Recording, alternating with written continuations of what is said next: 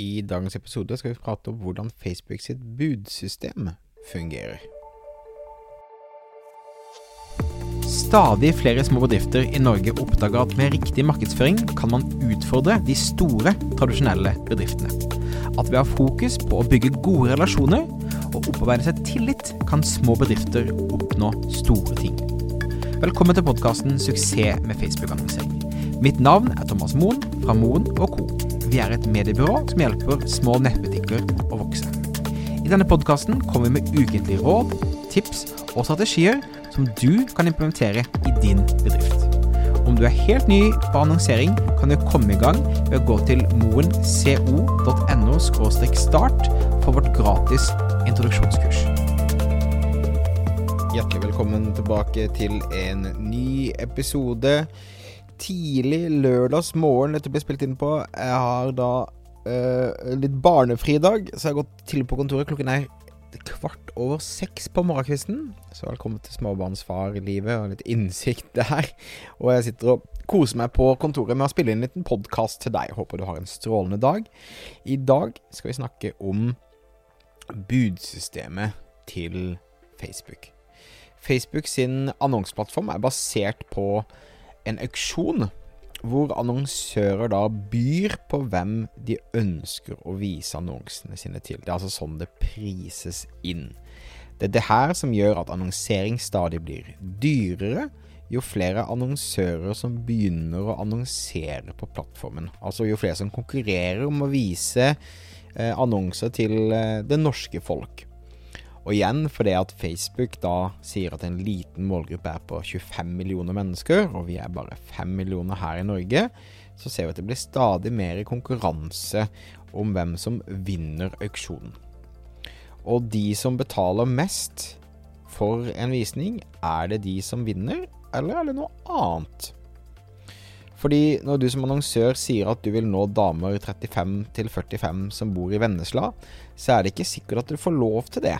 Altså, annonsen din eh, kanskje ikke ender opp med å bli vist til den målgruppen som du ønsker. Og da er det viktig å presisere at du betaler heller ikke for den visningen hvis ikke du får den visningen. Men det er mange som, som setter målgrupper som ender opp med å ikke få vist annonsen sin nok, fordi de ikke vinner budene. Og Det handler altså ikke eh, nødvendigvis om da hvem som er villig til å betale mest. Når man tenker på en auksjon, så tenker man ofte på en rappkjefta kar som, skriver, som da skriker Fire kroner, fire kroner høver, fire kroner, 4,20, 4,20 fra herren med flosshatten bakerst, ok, fem kroner, fem kroner fra damen i hvit kjole, osv., osv. Det er ikke sånn auksjoner på Facebook fungerer. Det er ikke den som setter høyest bud, som ø, vinner ø, sånn automatisk. Um, og det er også derfor jeg som oftest anbefaler å ha automatisk budgiving når du kjører annonser.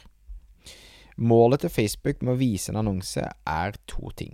Det ene er å vise at annonsen som, føler, som er da eh, Altså den som opplever annonsen, altså brukeren, eh, at annonsen føles relevant og nyttig.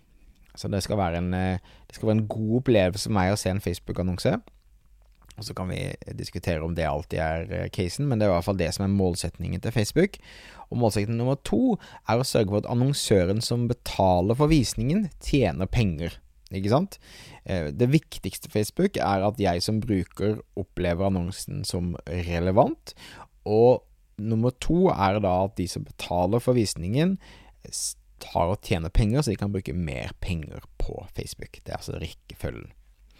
Og Facebook lar altså, eh, av det, av de prioriteringene, av den målsetningen, så lar Facebook da den som har highest total value, vinne budet.